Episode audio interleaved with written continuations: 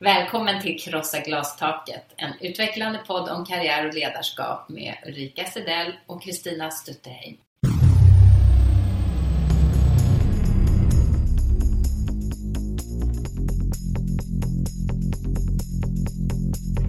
Och kvinnor ska då vara något annat, gärna supportfunktioner.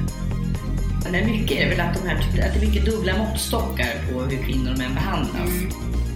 Att välja chef är ju fantastiskt viktigt. Prostitution och advokattjänster, det är liksom de äldsta yrkena som heller inte har förändrats. Men jag möter ibland kvinnor som får höra att "Nej, men det kan du inte och den här liksom kompetenshierarkin, den är så full av så mycket bojor. Jag har förstått att du unnar dig ganska mycket hjälp. Så du har städhjälp, tvätthjälp och sambo. Fredrik Skavlan. Vad var det där för uttalande Ja. från Fredrik? Det var intervju när han träffar Sveriges nu mest framgångsrika mm, Elitidrottare. eli- elitidrottare Sara Sjöström som har vunnit OS-guld och VM-guld och EM-guld och brons och silver och you name it. Och hon är med i Skavlan och han tycker att Nej, men vi lägger lite tid på det här att eh, gräva hur mycket hjälp hon har och, och eh, hur stort bor frågar han också. 80 kvadrat, det var inte mycket och all den här hjälpen. Vem lagar maten också? Ja, det gör min sambo. Så får hon liksom säga att ja, det kan ju vara om man kommer hem från väldigt hårda träningspass och då har man inte lust att städa kanske.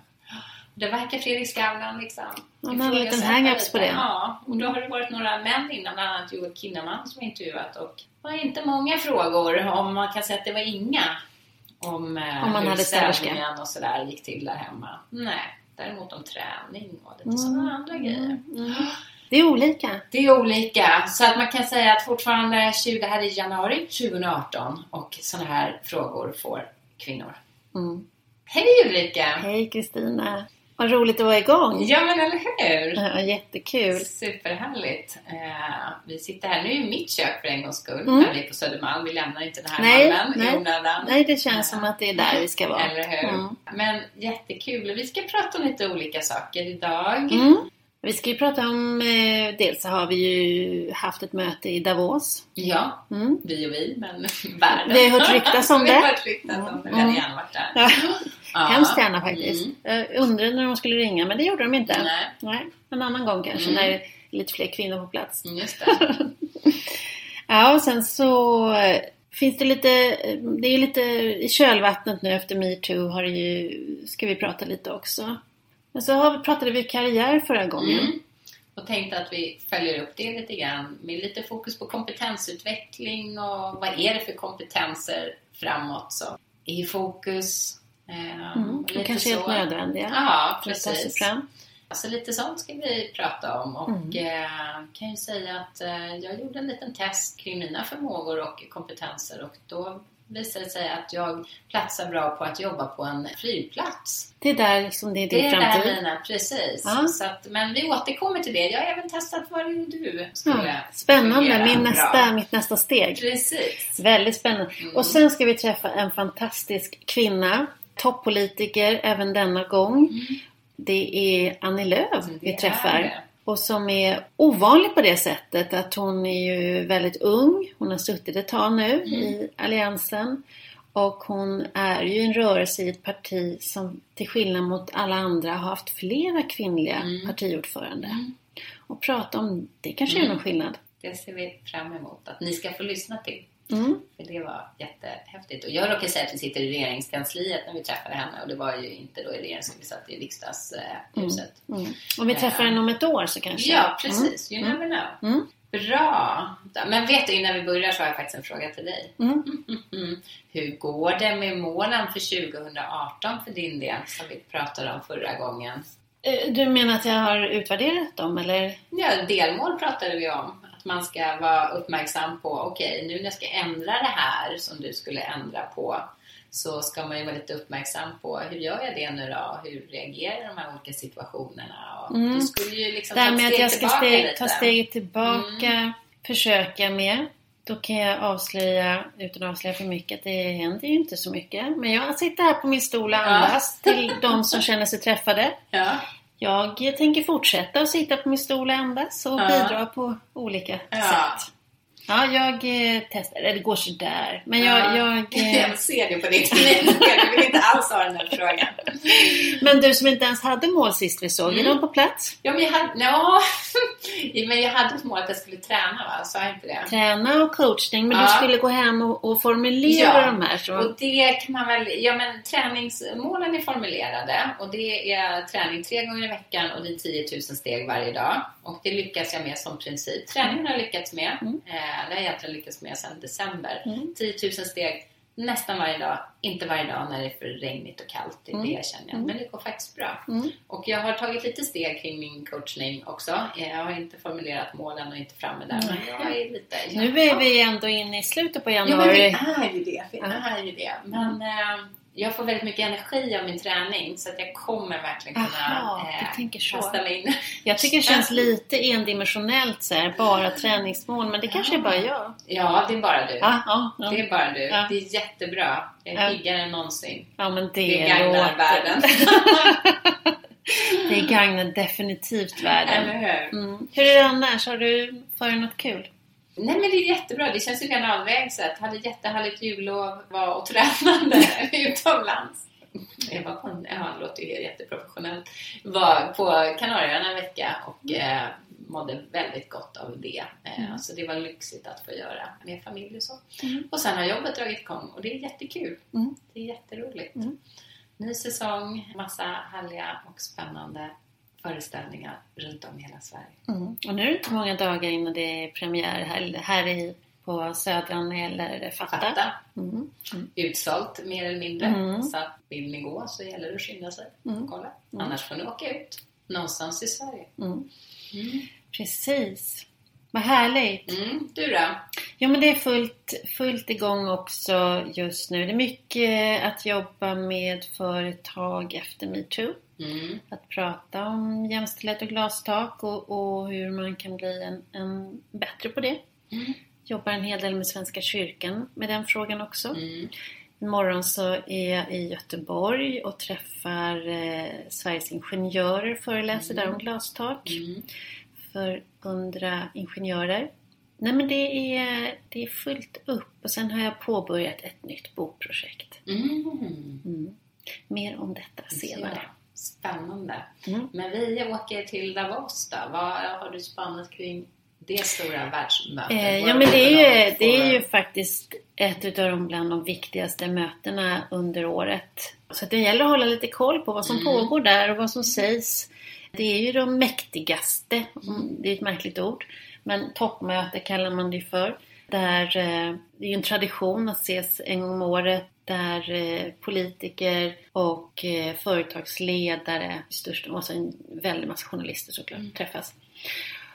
Och det har ju varit en konstant diskussion om att det är så få kvinnor närvarande när det är lobbying, reflektioner, diskussioner tillsammans. I år var det ju Trump som fick avsluta mötet. Mm.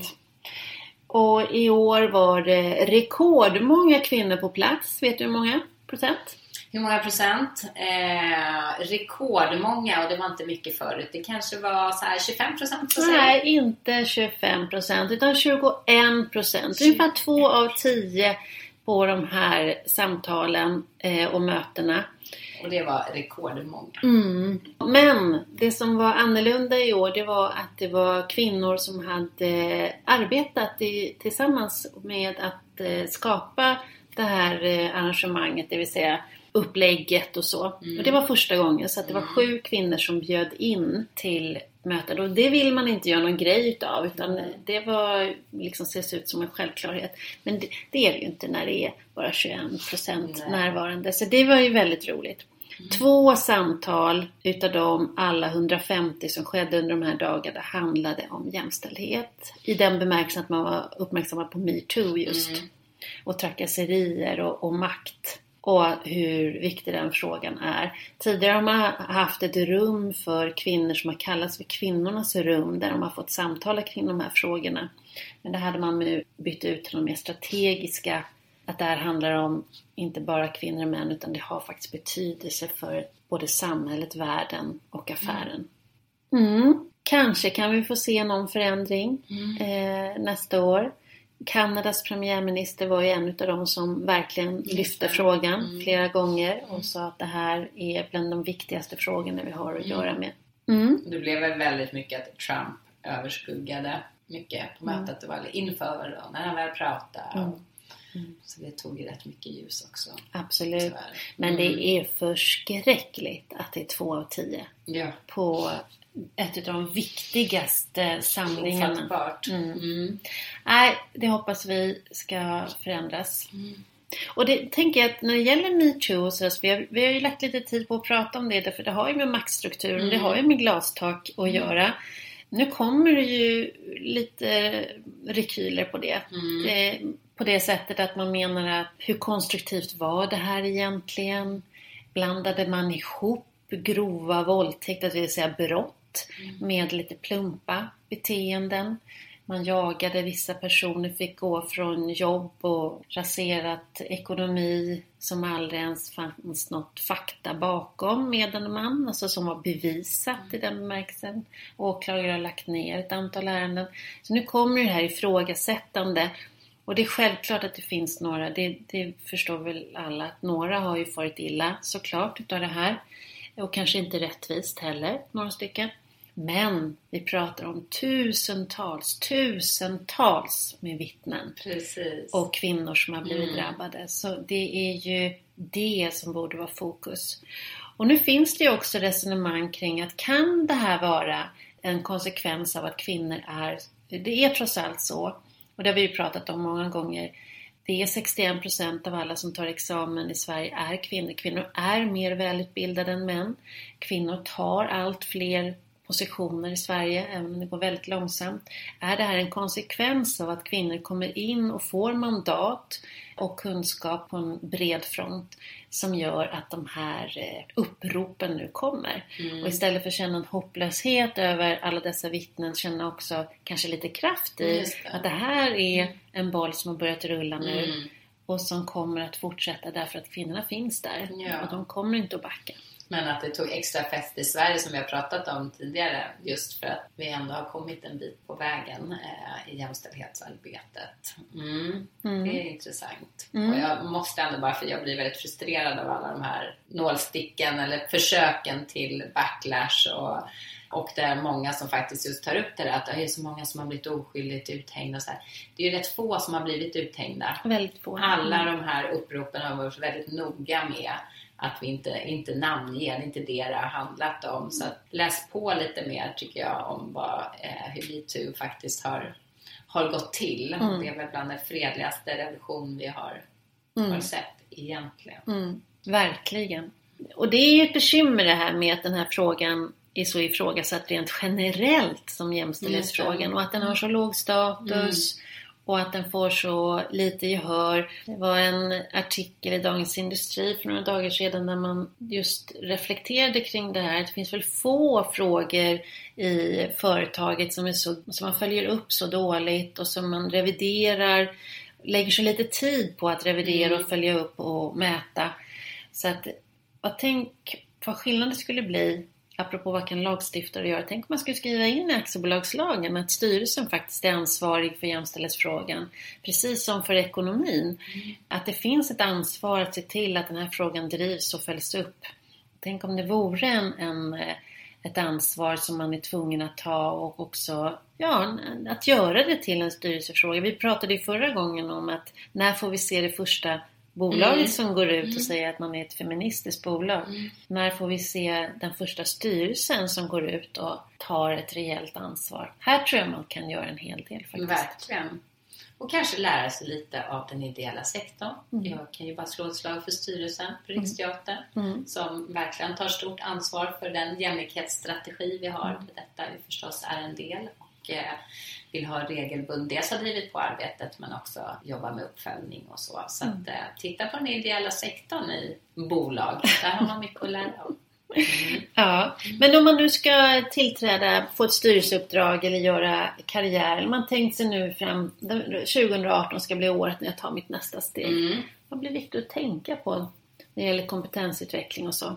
Åh, det är en bra fråga. Eh, vad blir viktigt att tänka på? Självklart så, vi pratade ju förra gången om hur man kan göra sitt, som du sa, sin, sin planering och sitt Mm. mål, vad vill man och så. Då behöver man, kanske man landar i att man behöver kompetensutveckling. Det är ju något att börja titta på då. Hur kompetensutvecklar man sig? Och på ett sätt så har det aldrig varit så enkelt som idag tack vare nätet och allt som finns tillgängligt där. Men det är liksom i, egentligen ganska basala saker men att även här var lite sätta upp några delmål eller aktiviteter vad man bör göra. Till exempel, självklart har du en anställning så ska du prata med din chef, använda utvecklingssamtalet till att se vilka kompetensutvecklingsmöjligheter finns det. Här har jag dock, eh, tycker jag, erfarenhet från en mängd olika ställen där även när man vet att det finns verkligen tillgängligt med kompetensutveckling och organisationen är för det så, så upplever medarbetare rätt ofta att det är svårt att få kompetensutveckling. Ibland är det för att man tycker att det inte finns tid men att det inte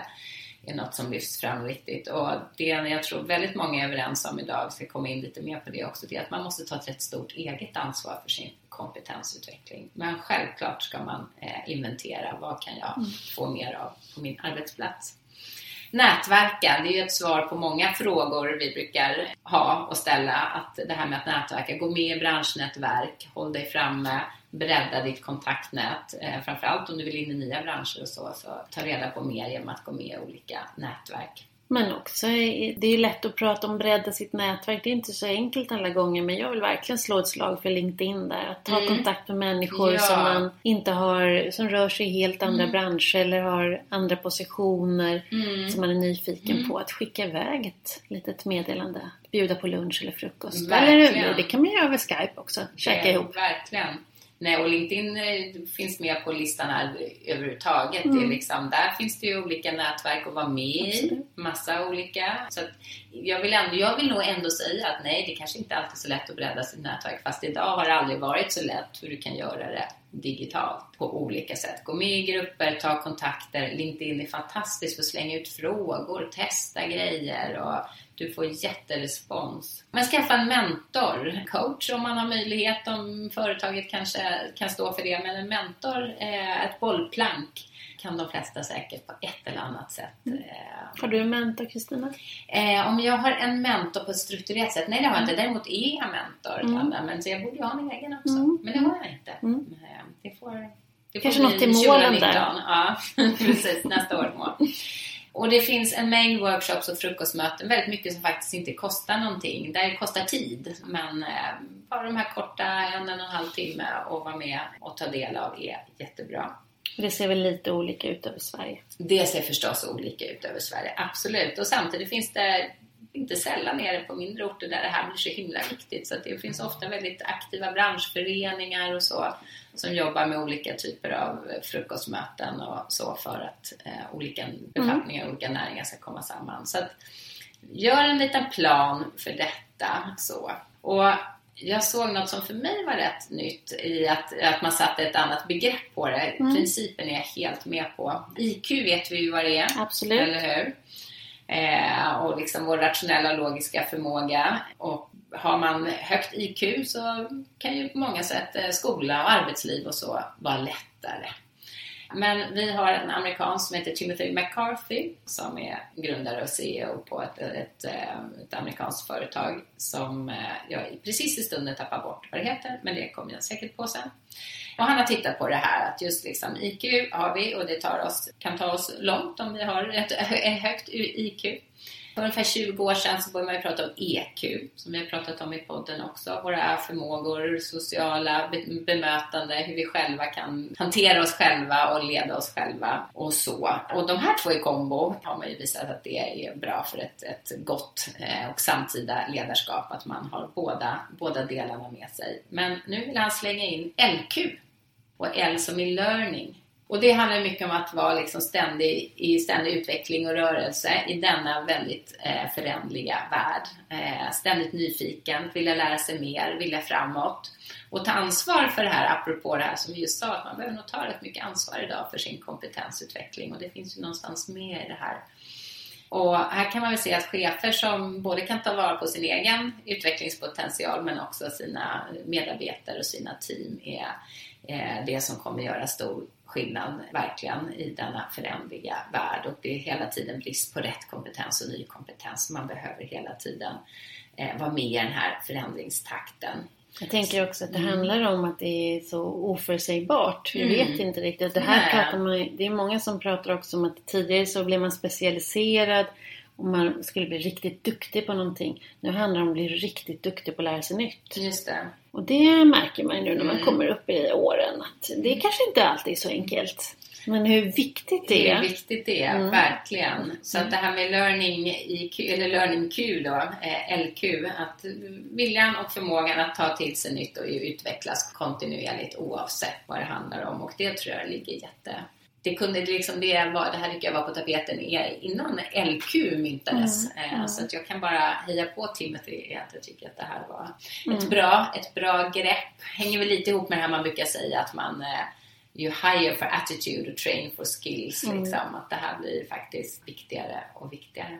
Det var en liten ny spaning eh, för min del. Men vi sa lite här i början också om att eh, flygplats eh, var ett ställe som kanske då skulle passa för mig Det uppenbarligen. är ditt nästa steg enligt den här Ja, vem, men- vem är det som står bakom Ja, den här? Jag ska berätta. Arbetsförmedlingen vill nu dra sitt strå till stacken eh, när det gäller att utveckla jobbsökartjänster och så på olika sätt. Så de har en satsning som, kring digital jobbmatchning men de kallar det hela så här för jobbtech. Så det kommer vara olika verktyg och tjänster vad jag förstår som Arbetsförmedlingen nu jobbar med. Och då har de gått igenom, eh, utgår från att ingen har behövt göra det här manuellt, 6 miljoner platsannonser, historiska platsannonser. Och så har de räknat fram vilka kompetenser som efterfrågas och hur de hänger ihop. Och nu har de då en prototyp på en, eh, en tjänst här, en databas, där man då kan skriva in en förmåga och en kompetens. Och så kan man se vad kommer det upp för jobbförslag då när man gör det.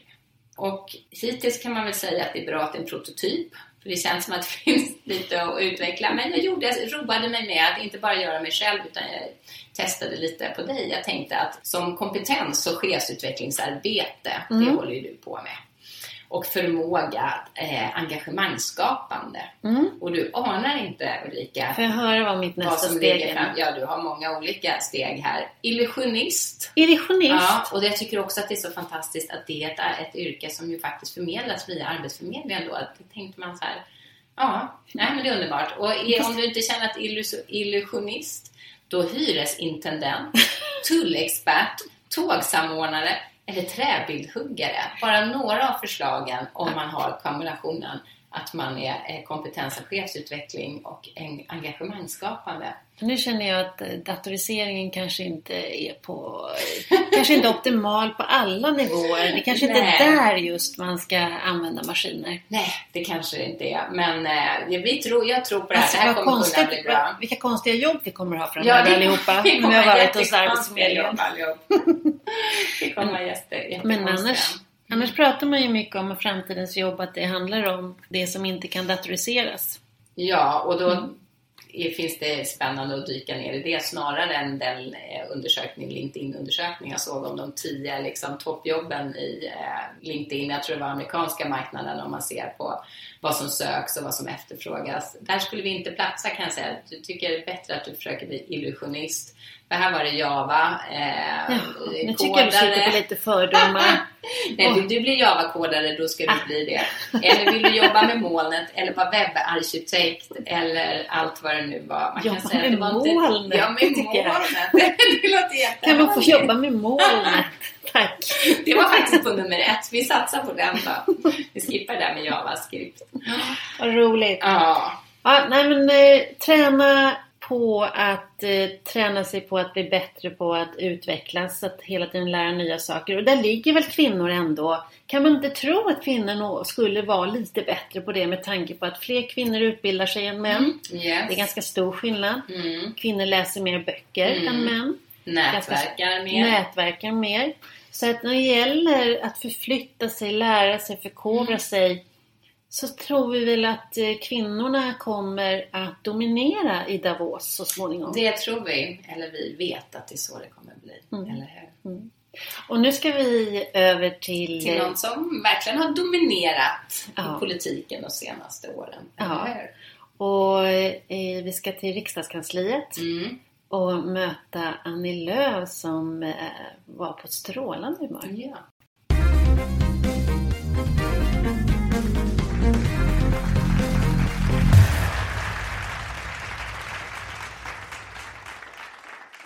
Hej Annie!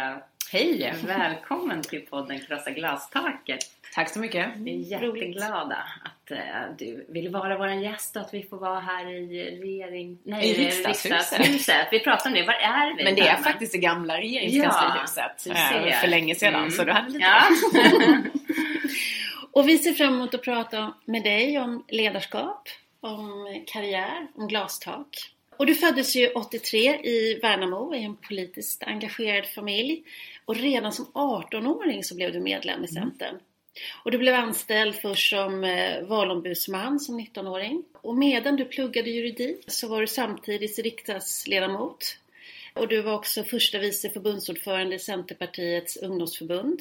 Och när du sen tog examen 2011, samma år, så får du förtroendet att bli partiledare för Centern. Och du tar över efter Maud Olofsson och blir Sveriges näringsminister, bara 28 år gammal.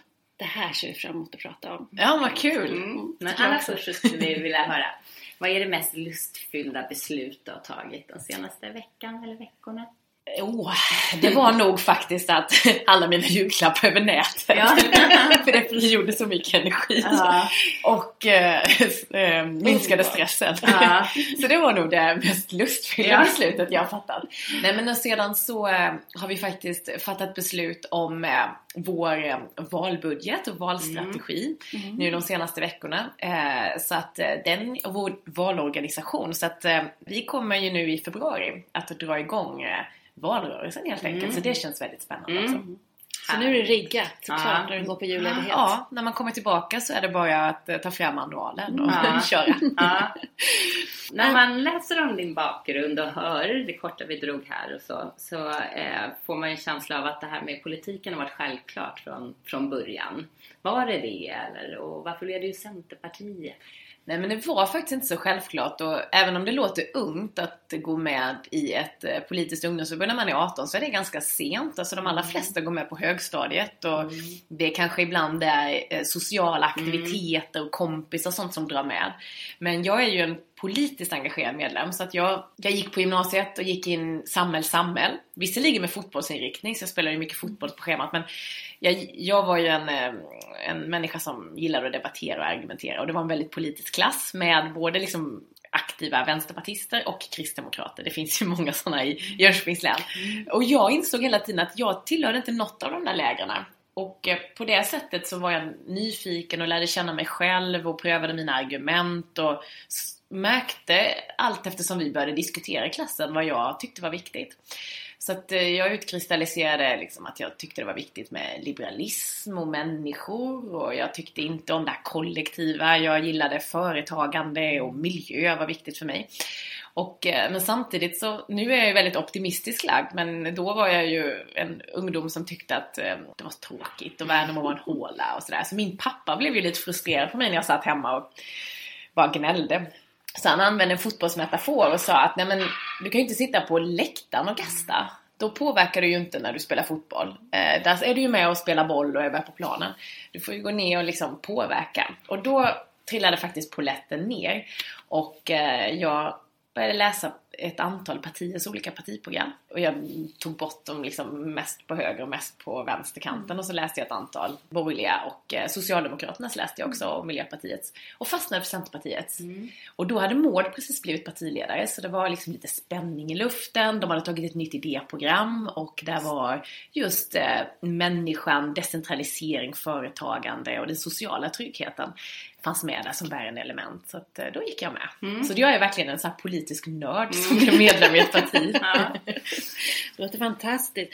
Och det här som vi nämnde då att du var bara 28 år när du blir partiledare och du blir minister. Var det självklart för dig att tacka ja till det? Nej, det var det inte. Tittar man tillbaka på de anteckningarna, för jag har gjort det nu under hösten faktiskt, gått igenom lite. Jag tycker det är bra ibland att stanna upp och gå igenom och det är ett sätt att eh, reflektera och återhämta.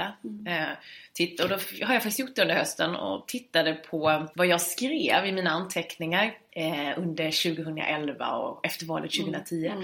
Och då, vet, då skrev jag faktiskt eh, att om Maud väljer att avgå, då är inte jag den som ska efterträda skrev jag i januari, februari där 2011. Eh, för jag var så nöjd med min situation då. Jag hade ju precis blivit eh, alltså ekonomisk politisk talesperson för Centerpartiet. Det var ju en jättetung post. Eh, jag höll på att slutföra mina juriststudier. Jag eh, var ordförande i partiets valanalys. Så jag kände liksom att jag hade fått ett, en jättefin plattform och hade väldigt roligt på jobbet. Och jag skulle gifta mig till sommaren. Och samtidigt så var mina svärföräldrar svårt sjuka i cancer. De gick bort det kommande halvåret där innan jag blev partiledare. Så att jag hade så mycket, mycket både sorgligt men också eh, jag var väldigt nöjd med situationen. Så jag skrev där i mina anteckningar att jag vill gärna bli partiledare någon gång, men inte nu. Eh, Men sedan när Maud väl avgick då i, eh, eller väl, det var, hon gjorde det själv och det var ganska oväntat just då. Men också ganska naturligt. Det var liksom en ja, blandad känsla där. Eh, Hon eh, gjorde det i juni 2011. Då riktade ju sig frågan till några av oss i partiet om vi var intresserade. Och vi bestämde oss i partiet ganska tidigt att vi ska göra en öppen och spännande process av det här. Vi ska låta medlemmarna verkligen lära känna ett antal kandidater så att de får välja. Och eh, jag bestämde mig inte förrän ganska sent, alltså i slutet av juli, att jag faktiskt eh, var en av kandidaterna. Så vi var tre stycken. Och eh, jag minns i Almedalsveckan, första veckan i juli, det var bara frågor om jag ville kandidera. Och jag svarade väl som folk tror. Alltså folk trodde väl att ja, men hon vill säkert, hon säger bara att hon ska tänka på det. Men jag hade faktiskt inte bestämt mig för att då hände det väldigt mycket i mitt privata liv. Min svärmor låg för döden. Eh, och min svärfar hade precis gått bort. Och jag skulle gifta mig och ja, men allt det där. Det är ju ett gemensamt beslut man måste ta med sin man. För att det inkräktar jättemycket på privatlivet. Så att vi hade inte satt ner foten. Men sen ställdes frågan skarpt till mig där i mitten, slutet av juli. Och då var jag ju tvungen att bestämma mig. Och då landade jag och min man i att nej, men den här frågan får man ju faktiskt inte så himla många gånger. eh, så det är klart att jag ställde upp och jag hade så mycket jag ville göra. Och jag hade gjort valanalysen så jag såg vilka... Jag hade ju sjukdomsinsikt över Centerpartiet och vad vi behövde göra. Så att eh, jag tackar ja och blev kandidat. Och sen så fick jag ju ett jättefint förtroende att sen också bli partiledare. Så det är liksom, det var inte självklart. Men det blev självklart när jag väl sa ja sen. Ja, väldigt roligt tycker vi att du gjorde. Sen tänker jag att eh, vi, ska- komma tillbaka till det sen, att det här med vara kvinna och högsta ledare inom ett parti. Men jag tänker på de utmaningar som du har haft. Det var ju 2013 och det hade presenterats ett nytt idéprogram eh, från Centerpartiet. Och det blev ju minst sagt kritiserat. Man talade om att hela Centern var i kris, du hade låga siffror, man pekade på att Centerns gamla folkrörelse med eh, ultraliberala eh, Stureplanscentern krockade. Du fick eh, bryta din semester och komma in och, från Thailand. Eh, den här kritiken som du fick utstå, eh, den är massiv. Eh, och jag undrar, vad var värst för dig personligen när du var där? att många medlemmar runt om i landet tappade gnistan. Att man fick dålig självkänsla. Att många medlemmar berättade för mig att de fick frågor om hur det kändes att vara centerpartist. Alltså de kände sig lite det var lite förnärmande att få de där frågorna. Det tyckte jag tog allra mest. Det vill säga alltså Centerpartiets självkänsla och självförtroende där ute.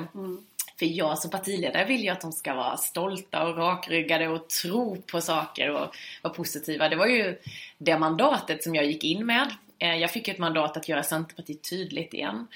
Eh, Att vi skulle växa, att vi skulle liksom bli ett större parti. Och vi hade ju lagt upp planer för det här och den här idéprogramsprocessen som vi hade, den var ju tagen utifrån den framgångsrika partiledarprocess som vi hade. Den öppna, vi var föregångare och de fick ett väldigt positivt gensvar. Och eh, sedan så eh, kraschlandade det lite grann.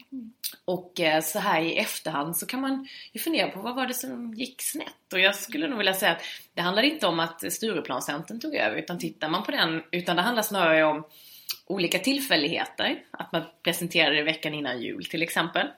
Eh, men också att det var ett antal mycket kontroversiella förslag där eh, som inte borde ha funnits med. Eh, för tittar man på den grupp som arbetade fram det här så var det ju vår förre jordbruksminister Karl-Erik Olsson, vår starka kvinna på Gotland Eva Nypelius, eh, vår nuvarande ekonomisk-politiska talesperson Emil Källström från Västernorrland.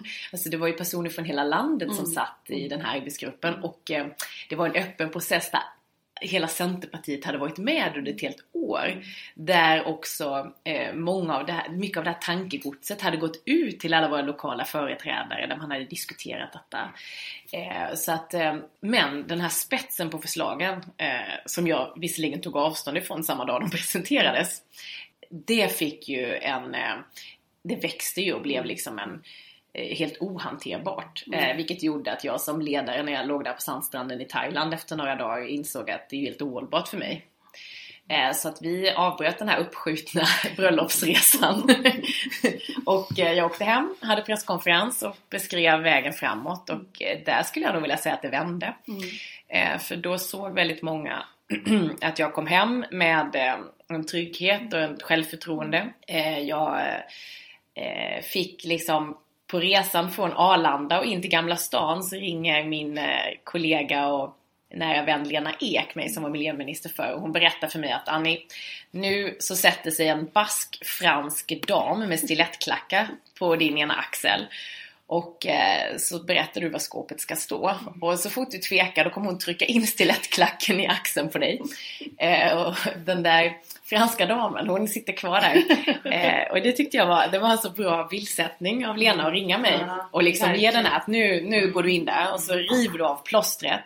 Och så beskriver du hur, eh, så beskriver du eh, vad du vill. Vad du säger nej till och hur processen ska se ut framåt. Och det gjorde jag. Och eh, där blev det en vändning. Dels hur folk uppfattade mig, men också, jag ska säga personligen, att jag landade i mitt ledarskap. Och eh, det kände jag kanske inte då, men så här efterhand så, när jag ser tillbaka på de här första två, tre åren, så eh, eh, så är det kanske för många nya ledare att man känner att man klär på sig en pondus. Eller man klär på sig ett ledarskap.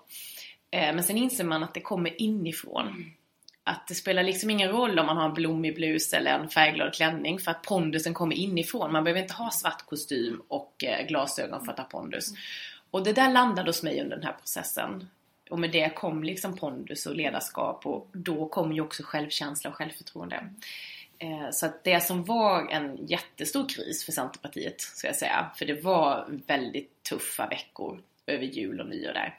Det var ändå början på något nytt. Eh, Så även om det var oerhört smärtsamt halvår med extremt låga siffror, både för mitt förtroende och för partiet, så skulle jag nog ändå säga att det har varit en nödvändig resa för vad vi är idag. För idag är vi trygga på grund av det vi faktiskt gick igenom då.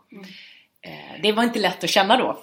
förstår jag Men verkligen. så här i efterhand så tycker jag ändå att det är en rätt analys. Och jag tänker det var ju många politiska journalister som kallade det här för ditt politiska genombrott. Du fick ju otroligt positiv feedback och man, man, hur du växte som ledare, även den mediala bilden. Men jag tänker ändå, för, för det här som du beskriver, att utstå så mycket kritik och, och stå längst ut, längst fram. Eh, och jag tänker också som kvinna. Kan du dela mer om något som du gjorde för att hämta kraft, för att hämta ditt mod och, och hamna i den där pondusen istället för att få tunnelseende och bara springa? Det är väldigt lätt att få tunnelseende och få en eh, ganska låg självkänsla och självförtroende. Men jag, jag tror att det har ganska mycket med min uppväxt att göra. Alltså jag, mina föräldrar har fostrat mig och mina systrar till att tro på sig själv och våga testa och våga ta sig an utmaningar och kanske inte lyssna. Alltså man ska lyssna och man ska ta in kritik, absolut. Men man ska inte låta det vägleda allt man gör utan man måste ha en inneboende kraft att vilja förändra. Och, eh, det där är ju svårt att eh, ta till sig när det är jättejobbigt. Men jag tror ändå att den fanns där inne, den tryggheten. Och eh, när det var som jobbigast så vet jag att jag upplevde när jag läste de här krigsrubrikerna i alla tidningar på morgonen. Man skulle vara ledig helg och så tog man in de tre morgontidningarna och så började man läsa och så var det liksom 3,1 procent och allt det här. Då, då vet jag att jag läste att det var inte jag, det, det var inte jag som var på bilden utan det var politikern Annie. Alltså om man förstår skillnaden. Att jag, man försökte få en distans till den rollen som var där. Funktionen. Funktionen. Eh, och här satt jag hemma i mitt kök och drack kaffe och läste tidningen och jag var privatpersonen Annie. Det var inte på ett... Det, det, det var nog ett sätt att liksom distansera sig lite. För att hämta kraft. Eh, men eh, ibland så tänker jag fortfarande så. Även när det är positivt. Att det är funktionen Annie som är i eh, ja, men i, i Femina eller i Damernas Värld eller på Dagens Nyheters helgbilaga. För att jag, jag är ju, där gör ju de ju väldigt personliga intervjuer såklart. Men det är ju ett sätt att också se att jag har en liten privat del av mig eh, som är bara jag. Eh, som finns hemma hos mig i mitt hus som min man och mina vänner känner till. Eh, och det är Annie. Eh, och sen har jag ju en, en, sen har jag ju jag själv naturligtvis äkta och genuin även i det andra. Men det är det offentliga. Eh, så på ett sätt så är det också en räddning för oss som är extremt offentliga, eh, där nästan allt är offentligt. Eh, så är det också ett sätt att liksom behålla ens eh, privata egendom, att ha någonting som är riktigt privat. Min dotters ansikte till exempel som jag inte har lagt ut. Det är liksom mitt och min mans. Eller hennes. Och hennes. hennes ansikte. Ja. Att vara kvinna i toppositioner rent generellt det är ju en utmaning. Eh, det verkar inte vara lättare i politiken. Vi har under hösten sett Anna Kinberg Batra avgå utan att prövas i val. Gitta Olsson lämnar politiken. Tidigare såg vi Mona Sahlin lämna och utan att prövas i val heller. När Miljöpartiet hade en kris för ett tag sedan så fick ett språkrör gå. Det var det kvinnliga språkröret. Så hur tänker du på politiken och glastaken? Hur ser glastaket ut i politiken? Är det annorlunda eller vad har du stött på? Nej men jag tror att det, det finns ett glastak och det måste krossas oavsett om det är politiken eller näringslivet eller hemma eller alltså det finns där. Och, och det byggs av förväntningar som eh, alla har, både män och kvinnor, tror jag. Eh, och det, det, är liksom, det är ju strukturer som finns. Både här i riksdagen men också hemma eller på fotbollsplanen. Vad som förväntas av killar och tjejer. Jag kan börja på fotbollsplanen, så jag har ju spelat fotboll nästan hela mitt liv, fram till jag var 20. Då var det tjejerna som skulle sälja Bingolotto och som skulle göra allt det där för att killarna skulle kunna åka på träningsläger. Varför då? Alltså trots att damlaget spelade en högre serie så fick vi ju sämre fotbollsplan än herrarna. Varför då? Alltså, och det är, eh, så det är klart att det finns. Så det, det är klart att det finns skillnader också hur man upplever och förväntar sig att en kvinnlig respektive en manlig partiledare ska vara. När jag är tydlig och bestämd så uppfattas det ofta som att jag är hård och kall. Eh, när, när Stefan Löfven eller Ulf Kristersson är det så är han resolut och liksom Tydlig, handlingskraftig ja. och tydlig. När, eh, när jag skrattar eller eh, liksom, ja, är liksom lite charmig, då är jag flamsig. Eh, men eh, när Fredrik Reinfeldt sitter i David Hellenius studio så är det liksom folkligt. Mm, charmigt. Eh, charmigt. Så att det finns ju olika måttstockar på män och kvinnor. Och ibland har vi inte varit duktiga på att tala om dem. Och jag kan säga att jag själv har liksom värjt mig lite vid att berätta det så. Alltså i, om man tittar på de intervjuer jag gjorde för något år sedan så försökte jag nästan ta bort det faktum att det skiljer mellan män och kvinnor. Eh, Men jag är lite trött på att eh, säga att det inte skiljer något. Men då sa jag, nej men det är nog svårt att svara på. Är, det är inte jag som ska svara på de frågorna. Det får andra göra om det skiljer mellan män och kvinnor. Till att jag nu har landat i att det är klart det skiljer. Det är klart att det, det, det finns olika förväntningar på oss. Och eh, eh, jag upplever att jag får jobba mycket hårdare. Eh, att jag får läsa på mycket mer. Att eh, om jag säger något som är fel så får det, eh, blir det en större snackis än om en man gör det. Eh, alltså ta det här med alltså Ebba Busch Thor som inte kunde svara på ett antal boktitlar i Aktuellt. Ja men gå vidare liksom. Hon är politisk ledare och inte kulturskribent liksom. Och jag kan känna att det, det är, eh, det ställs ibland liksom eh, omåttligt höga krav. Eh, ibland ställer vi dem själva på oss. Eh, jag ställer ju väldigt höga krav på mig själv, i både prestation och man ska eh, hinna träna för att må bra, man ska vara en bra mamma hemma och man ska ha nybakade bullar. Nej, det har jag faktiskt tagit bort. Men eh, alltså så här, att man, man ställer egna krav. Men det finns också samhälleliga krav. Eh, ta Nobelfesten till exempel. Trots att jag ska sitta och förhandla och jobba på dagen så ska jag ändå hinna vara på frisören ett antal timmar och sminka mig. Jag har lagt ganska många timmar innan det på att sy upp en klänning eh, och pratat med designen och sådär. Medan männen år in och år ut bara går in en kvart på toaletten och byter om till sin frack och sen var färdig. Eh, Jag tycker det är fantastiskt roligt att klä upp mig och visa upp svensk design men det tar tid. Och vi bedöms Jag efter det. det, precis. Vi bedöms inte utifrån vad jag säger om forskning och framsteg Nej. på Nobel utan eh, liksom hur långt släp jag har Mm. och eh, om, om jag hade rätt nyans på läppstiftet. Så att eh, det är ju en del av spelet får man väl också säga men det är det är ju ett ganska tydligt exempel på att det skiljer mellan män och kvinnor hur vi bedöms i politiken. Men jämfört med, med de andra partierna så har ju Centern ju faktiskt haft flera och har och har haft flera kvinnliga ordförande. Vad är det ni i Centern gör annorlunda? Vi sätter, tror jag, genom hela vår historia kompetens och eh, resultat i centrum och inte vem som gör det. Och det gör att det inte var kontroversiellt överhuvudtaget att välja mig som ung och som kvinna till partiledare. Det var helt naturligt. Jag hade ett extremt brett stöd i Centerpartiet. Eh, och även i de här tuffa månaderna under idéprogramsprocessen så hade jag inte ett enda avgångskrav. Alltså det var ett kompakt stöd och det var ju också det som gjorde att jag klarade mig igenom det. Eh, att Karin Söder blev första kvinna som partiledare på 80-talet för ett riksdagsparti har ju att göra med att vi har haft en väldigt stark kvinnorörelse. Vi, vi är fortfarande Sveriges största kvinnoförbund, politiska sådan. Och Karin var ju bara medlem i Centerkvinnorna och ändå blev hon partiledare för Centerpartiet. Jag tror att eh, vi, dels handlar det om vår historia och vår syn på att det inte spelar någon roll om det är kvinnor eller män. Och så hemma, om man titt, går tillbaka 100 år, så hemma på gården så var det ju, oavsett om man var man eller kvinna där så skulle jobbet göras. Och man delade på sysslorna. Så. Eh, och eh, det är väl det som har präglat liksom, back in the days. Eh, nu handlar det nog snarare om att vi eh, har förebilder som har visat att det går. Karin visade mig och Maud att kvinnor kunde bli partiledare. Jag hoppas att jag kan visa att unga personer, oavsett om man är man eller kvinna, kan bli partiledare. Så att det finns förebilder som gör att andra vågar hoppas, andra vågar tro.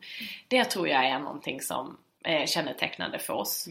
Och sen att vi, eh, vi är ett parti som mår bra. Oavsett om vi har haft kriser så gillar vi varandra. Det är liksom inte, vi har inte så många falanger och knivar i ryggen utan vi mår i grunden väldigt bra och väldigt trevligt och då vågar också människor att satsa och hoppa och utvecklas och ta på sig uppdrag.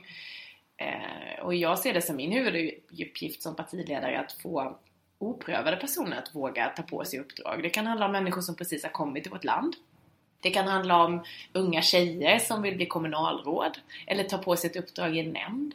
Det kan vara en person som precis har blivit medlem och är lite äldre men som vill engagera sig i kretsstyrelsen. Alltså att man vågar ta det där steget som ligger lite utanför bekvämlighetszonen. Eh, Jag tycker att vi har många duktiga ledare i vårt parti som uppmuntrar till det. Så nu- Sen ska jag säga, vi, vi har ju vi har en resa kvar också vad gäller jämställdhet. Eh, alltså för ibland så är det, det visar inte minst den här hösten med metoo. Alltså vi, det är ju lätt att säga att Centerpartiet är Sveriges mest jämställda parti och vi har haft tre kvinnor som partiledare. Eh, vi, har, vi har Sverige-rekord i antal kvinnliga kommunstyrelseordförande. Och, alltså vi är väldigt duktiga på att lyfta fram kvinnor i maktpositioner. Och det är jag jättestolt för. Men vi har också strukturer. Eh, Det finns tjejer och kvinnor i vårt parti som inte känner att de har lika mycket stora möjligheter till inflytande som männen har som är anställda. Det måste vi jobba med. Vi har haft sexuella övergrepp och sexuella trakasserier både nationellt här i korridorerna och eh, ute lokalt som vi måste ta tag i. Eh, Det har varit en väldigt känslosam höst för mig för att jag har ju fattat hela tiden att det är klart att vi också har det här men inte så grovt och inte så vidrigt och nära på något sätt. Så jag har ju själv varit utsatt för händer på kroppen liksom, där jag inte har velat ha dem. Eh, Så att, som många kvinnor har blivit men just när det kommer så nära och när det är så grovt det har tagit väldigt känslomässigt på mig den här hösten där vi har fått hantera det här. Så att vi jobbar med jämställdhet framåt nu. Vi Mm. uppdaterar våra policies och eh, checklistor för kriser. Vi kommer ha utbildningar om attityder, värderingar eh, och liknande. För det är någonting man hela tiden måste jobba med. Hur, alltså, feminism, jämställdhet, eh, lika villkor. Framförallt i ledarskapet. Jag tänker på när du säger att även vi har det och allt annat vore ju väldigt konstigt. Men, men jag kan ju tänka mig att om man, identiteten är Mm. att i vårt parti är vi vänner, vi peppar Mm. varandra, vi, det är inte alls omöjligt att kvinnor får toppositioner. Så kanske det tar ännu hårdare. Det gör det. Och eh, för mig då som personligen har ett stort engagemang i utsatta barn och kvinnor. Jag, blev ju, jag är ju jurist med inriktning på straff och processrätt. Och eh, en av anledningarna till det är just att jobba med utsatta kvinnor och sexualbrott. Och, alltså, så jag har ett långt, eh, starkt privat engagemang i de här frågorna. Och eh, därför så tar det också hårt när man ser att eh, det finns kvinnor i vår organisation som har blivit utsatt för eh, kränkningar. Både liksom, eh, rena övergrepp eh, men också eh, verbala trakasserier och liknande. Det är ju helt oacceptabelt. Men, och, men det är också nyttigt för det visar också att man aldrig är färdig. Och att man inte kan sitta och vara nöjd över att man är tredje kvinnan som partiledare i ett parti och vi har Sveriges största politiska kvinnoförbund och så här, för det har vi ju, det går ju inte att ta ifrån oss. Men vi har också mycket jobb kvar att göra.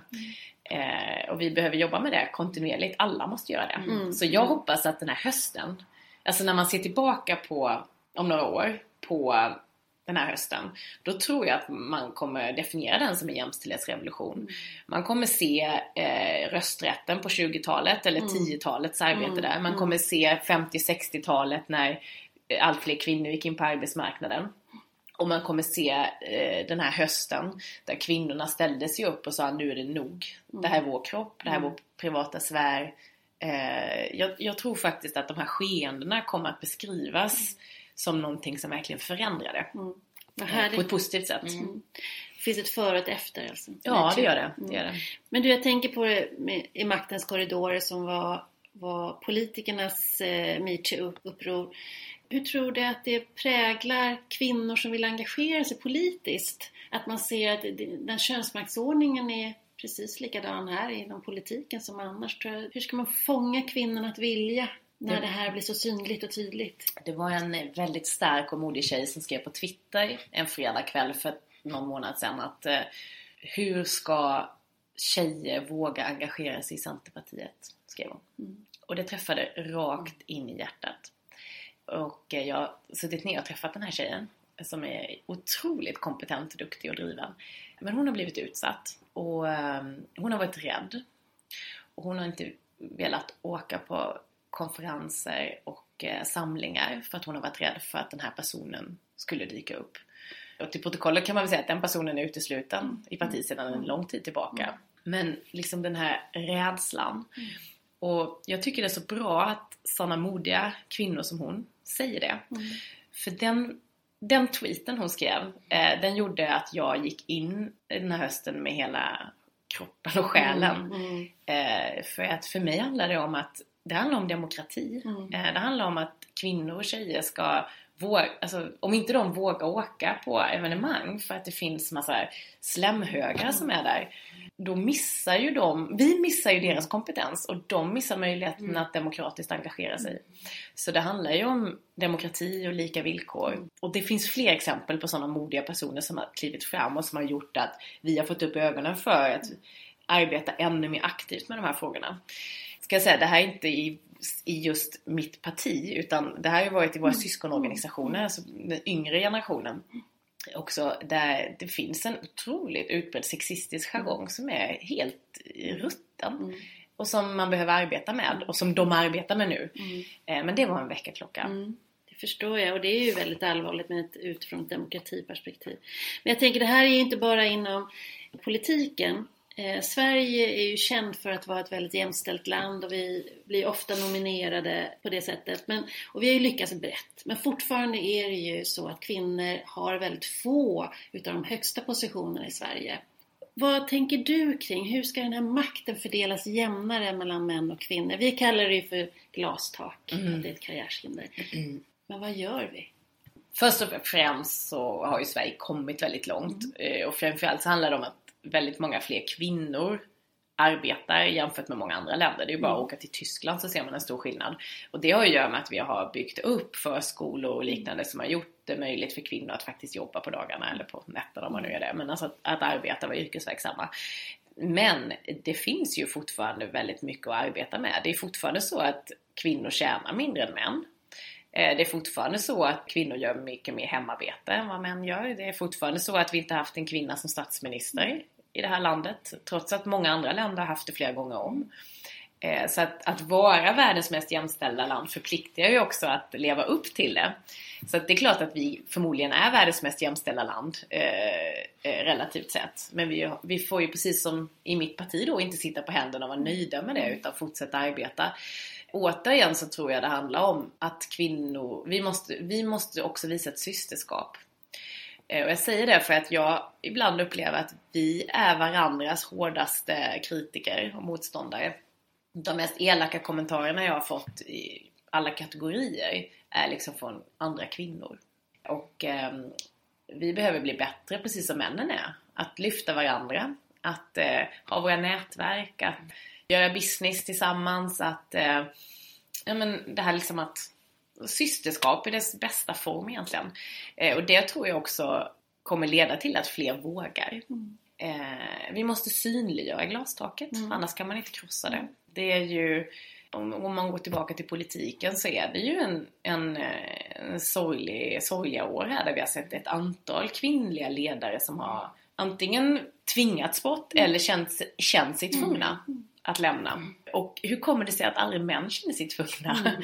Det är det som är, det är liksom lite fascinerande tycker jag att, eh, att kvinnor inser eller kvinnor tvingas bort men män sitter kvar. Mm. Eh, Och det tänker jag blir också tydligt för jag håller med dig. Det finns ju många delar som är väldigt jämställda med förskola och så vidare. Men det här det är ändå bara 20% av alla professorer som är Mm. kvinnor. Det är bara 15% utav VDarna. Alltså på de högsta positionerna den, där makten sitter Mm. Ja. så är det ju ändå väldigt ojämnt fördelat Ja. med tanke på hur många kvinnor som arbetar. ja, och man kan titta på utbildar sig. finansiering av företag. Exakt. så går ju den absoluta merparten till eh, män som driver företag. Så att vi har jättemycket kvar att jobba med.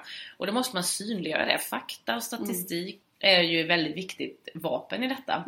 För vet man inte hur det ser ut så kan man heller inte göra någonting åt det. Så att mer kunskap tror jag är viktigt. Eh, Jag tror också att och systerskap är en del, men kunskap är viktigt för att kunna göra politiska förändringar. Jag tror också att det är viktigt att börja underifrån. Alltså mitt parti är ju så här underifrån-partiet. Mm. Nej, men- Och jag kan säga det av egen kraft. Alltså jag och Maud och Karin hade aldrig blivit partiledare om inte vi hade eller inte Olle och eh, Lennart och Torbjörn heller. Men alltså ledare växer fram underifrån. Det måste finnas en, en mylla att plocka ifrån och en erfarenhets och kunskapsbank. Och därför så tror jag att det är fel, till exempel då med kvotering av börsbolagsstyrelser, för man börjar i fel ände. Istället så ska man se till att fylla ledningsgruppen med fler kvinnor. Alltså fler kvinnliga mellanchefer, fler kvinnor som tar liksom, exekutiva roller i, på företag eller i organisationer. För det är därifrån sen styrelseproffsen plockas ifrån. Det är ju liksom där den verkliga makten sitter i, i ledningsgrupper. Och vi behöver ändra också sättet att se på vilka som är kvinnliga och manliga gebit. Så när jag kallade in eh, när jag var precis nybliven näringsminister så kallade jag in eh, företagens ledningar för att prata om CSR, alltså hållbarhet. Och då kom CSR-cheferna och sådär och då var det kvinnor. Sen några år senare så gjorde jag en motsvarande inbjudan. Eh, och då kom männen. Och säga, det var inte så att det var manliga CSR-chefer då, för det som var positivt var att hållbarhetsarbete hade blivit en strategisk fråga så det kom upp på VD-nivå. Så det var därför det var många män. Men det är också talande det här att kvinnor som kommer i ledningsgrupper har oftast personalansvar eller CSR, alltså de så här, som man brukar definiera som mjuka frågor. Väldigt viktiga frågor, men mjukare frågor. Och eh, här försökte ju både Maud och jag genom olika så här, styrelsekraft och ledarskapsutbildningar och annat liksom att se till att få in fler kvinnor på tyngre positioner. För det är ju genom att få fram fler kvinnor i mellanchef och chefsnivå så man också kan få fler styrelseordförande som är kvinnor och fler styrelseproffs. Liksom. Men det är också viktigt att inte bara stirra sig blind på de yttersta maktpositionerna för att jag tror att väldigt många medarbetare inom skolan och äldreomsorgen upplever jämställdhet. Och ibland så kan feminismen och jämställdhetsdebatten som jag brinner för bli väldigt elitistisk. Att man bara pratar om ledarpositionerna. Och sen så ser man inte att kvinnorna i vården eh, jobbar delade skift och liksom delade turer. Eh, som, och gör det svårt att få dagen att gå ihop. Så att man måste också göra jämställdhetsfrågan väldigt konkret och vardagsnära så att den omfattar fler. Tycker jag. Din karriär har ju varit spikrak tycker vi som vi har pratat om. Eh, och du är omvittnad för din ledar, ledarstil eh, där vi ser trovärdighet och som du var inne på också att hålla fast vid sina ideal och eh, också väldigt visionsstyrt. Vad vill du skicka med? Vad är dina framgångsfaktorer? Och det där är så väldigt individuellt. Eh, Jag får ofta får jag, för jag pratar, är ute och pratar väldigt mycket om ledarskap och sånt. Och det kan vara bland högstadieelever och det kan vara bland drivna kvinnor i 60-65 års åldern. Så, att- så jag brukar ge tips om att liksom bottna i sig själv. Att tro på sig själv, att bottna i sig själv, att identifiera vad vill jag? Och man vill ju olika saker. Och när man har bestämt sig för vad man vill, då måste man liksom hitta en plan för att nå det. Och när man är, går på gymnasiet så kanske några vill bli sjuksköterskor, en annan vill liksom rädda världen, en tredje vill bli företagare, en femte vill bli polis. Så att, att man sätter upp mål och att man jobbar mot dem. Och att man ska tänka att det ska vara, till, det ska vara stretchande mål. Det ska inte vara så här, nu sätter jag ett mål och så kan jag sätta mig lugnt tillbaka. Utan man måste ju jobba lite för att få det också. Så har jag tänkt både med partiet och mig själv. Jag är ju en väldigt målstyrd människa. Eh, det låter ju väldigt tråkigt men det har varit ett sätt för mig att dels klara av det, hålla ihop som människa. Så jag har mål, både privata och professionella mål.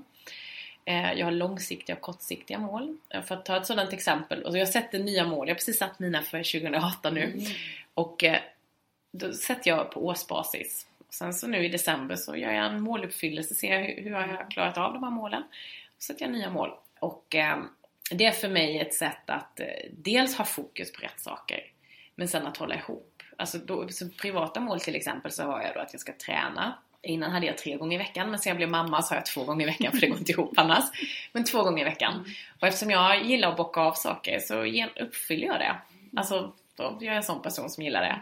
Och för att klara av då, så kanske jag ibland, som förra året så hade jag ett mål att jag skulle klara att springa milen under timmen. Och då blir det liksom ett mål där jag liksom strävar mot någonting. Sen så kan jag ha professionella mål kan det vara att eh, Centerpartiet ska vara det fjärde mest synliga partiet i media. Till exempel, det finns ju andra företag som mäter sånt då. Då har man något att jobba mot. Eh, så att jag brukar, jag sätter, jag sätter liksom inga procentmål för vad Centerpartiet ska vara i opinionsmätning utan jag sätter mål som gör att jag har något att jobba mot. Alltså mer konkreta mål. Eh, och det har jag gjort sedan 2006 när jag kom in i riksdagen, så jag har hållit på med det här i 12 år snart. Och eh, det har varit ett sätt för mig att hela tiden bli bättre. Och eh, de målen jobbar även Centerpartiet med sen jag blev partiledare. Så vi har så här framtidsagenda 2020 hade vi då och nu har vi 2025. Där vi har då hur Centerpartiet ska, vår resa de kommande tio åren. Kommunikativt, organisatoriskt, politiskt. Och det är ett sätt att få hela rörelsen med sig då har partimål. Men för mig personligen, jag delar ju inte med mig så mycket av mina mål mer än till mina närmsta medarbetare så de också vet vad som är viktigt för mig. Eh, och det är ju framförallt för att liksom få struktur i vardagen. Så att mina tips är att eh, landa i sig själv, vara nöjd med den man är. Eh, man kan liksom aldrig bli någon annan än den man är, så får man jobba med det. Och sen sätta mål, vad vill man? Och sen faktiskt eh, eh, jobba upp en plan för hur man ska mål, nå det där målet. Jag ville ju bli jurist till exempel när jag, eh, när jag skulle, tog studenten. Det var liksom mitt mål. Jag ville inte bli politiker. Det var, fanns inte på kartan då, utan jag ville bli jurist. Hur kom jag in på juristlinjen? Det är jättehöga antagningspoäng. Ja, då måste jag bli duktig i skolan. Eh, hur ska jag klara att vara duktig i skolan och få bra betyg? Jo, genom att träna och orka. Eh, och sådär. Så, och, och så hade jag alla mina praos och nej, prakt, vad heter det? Prao, praktikplatser och sånt på en advokatbyrå, åklagarkammaren och tingsrätten. Alltså, Väldigt strukturerat. Ja men så strukturerat. Ja. Eh, Så, att, eh, så jobbar jag och jag tror att fler skulle må bra av att sätta mål och jobba mot dem. Mm. Oavsett vad man är, eh, i vilken bransch man jobbar eller vad man är i livet. Jag känner jag ska gå hem på en gång och göra mål. Anneli, vi ska av, börja runda av, men jag tänkte också fråga som avslutning. Eh, vi har många lyssnare som brukar skicka in frågor om just glastak och karriärshinder och, och just de här genderfrågorna där du beskrev skillnad på synsätt på kvinnor och män och så. Vad är dina bästa tips till att krossa glastak? Det är att eh, faktiskt eh, tro på sig själv. Det är den viktigaste delen. Inte låta någon annan sätta sig på en. Det var faktiskt min morfar som sa det till mig eh, strax innan han gick bort för typ 10-11 år sedan. Eh, då hade jag precis kommit in i riksdagen. Och så säger han till mig att Låt ingen sätta sig på dig, sa han. Och jag kommer verkligen ihåg det för det var så otroligt starkt. Eh, och det är ju egentligen vad det handlar om, att man är sin egen lyckas med. Eh, och eh, det, det är andra, inklusive en själv, som har satt det där glastaket. Men det är bara jag som kan krossa det, så att säga. Eh, och att man kör på det. Och sen tycker den här franska baska tanten med stilettklacken är rätt bra. Jag brukar säga att Jante har aldrig fått flytta in hos mig, eller i alla fall inte från ett ombonat hem. Men eh, Luther finns ju där, att man ska jobba och slita och göra rätt för sig. Och sen finns den här tanten där som trycker in stilettklacken i axeln när man, när man blir för bekväm. Så hon får ju mig att hela tiden komma lite utanför bekvämlighetszonen. Att liksom jobba lite, lite extra. Eh, göra det där lilla, lilla extra som gör att man kanske kommer några steg framåt hela tiden. Så. Stilettklacken, det ska vi inte glömma bort Kristina. fantastiskt. Jag ser den där för mig på min axel. Det är jättebra. Tusen tack Annie för att du kom till podden Krossa glastaket. Tack Tack! Roligt att få vara med. Ja, det var jättehärligt. Eh, Det Mm. var precis före jul som vi fick träffa Annie Lööf och prata med henne om allt detta. Nu är hon väl fulladdad inför det nya valåret som hon skulle vila upp sig lite inför. Något Verkligen. särskilt som du tar med dig Ulrika? Nej men jag tycker att det här med Annis resa om 2013 när det var så en enorm kris i Centern där hon fick avbryta sin semester från Thailand där hon blev så ifrågasatt det vi pratade om. Eller hon blev inte ifrågasatt men Centern blev ifrågasatt. Eller ja, hon också. Att hon kunde vända det och vad är det som gjorde att hon kunde det när vi vet att inte bara att det var en känslig fas i Centerns utveckling utan det var ju det här med att hon är kvinna. Och att hon pratade om att hon aldrig någonsin fick något avgångskrav. Hon kände ändå ett djupt stöd och hur oerhört mycket det betyder. Ja, det tar jag med mig och sen så tar jag med mig att tidigare så var det inte självklart för henne att prata om kvinnors och mäns olika förutsättningar men att det är det nu och att hur det här har metoo har verkligen skakat om henne.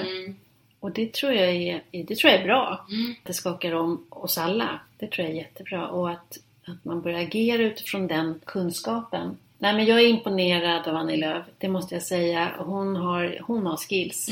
Definitivt. Jag håller helt med. Vilket fantastiskt jobb hon gör. Mm, Verkligen. Och det här var ju lite, i alla fall för nu, vi avslutar eh, en liten serie där vi ju har träffat nu fyra kvinnor från politiken. Mm. Eller hur? Mm, fyra toppolitiker. Ja, Anna Kinberg Batra, Birgitta Olsson, Åsa Regnér och nu Annie Lööf. Mm. Och de står för olika politiska färger och frågor Mm. och så, men mycket förenar ju ändå. Det är hårt på toppen kan man säga.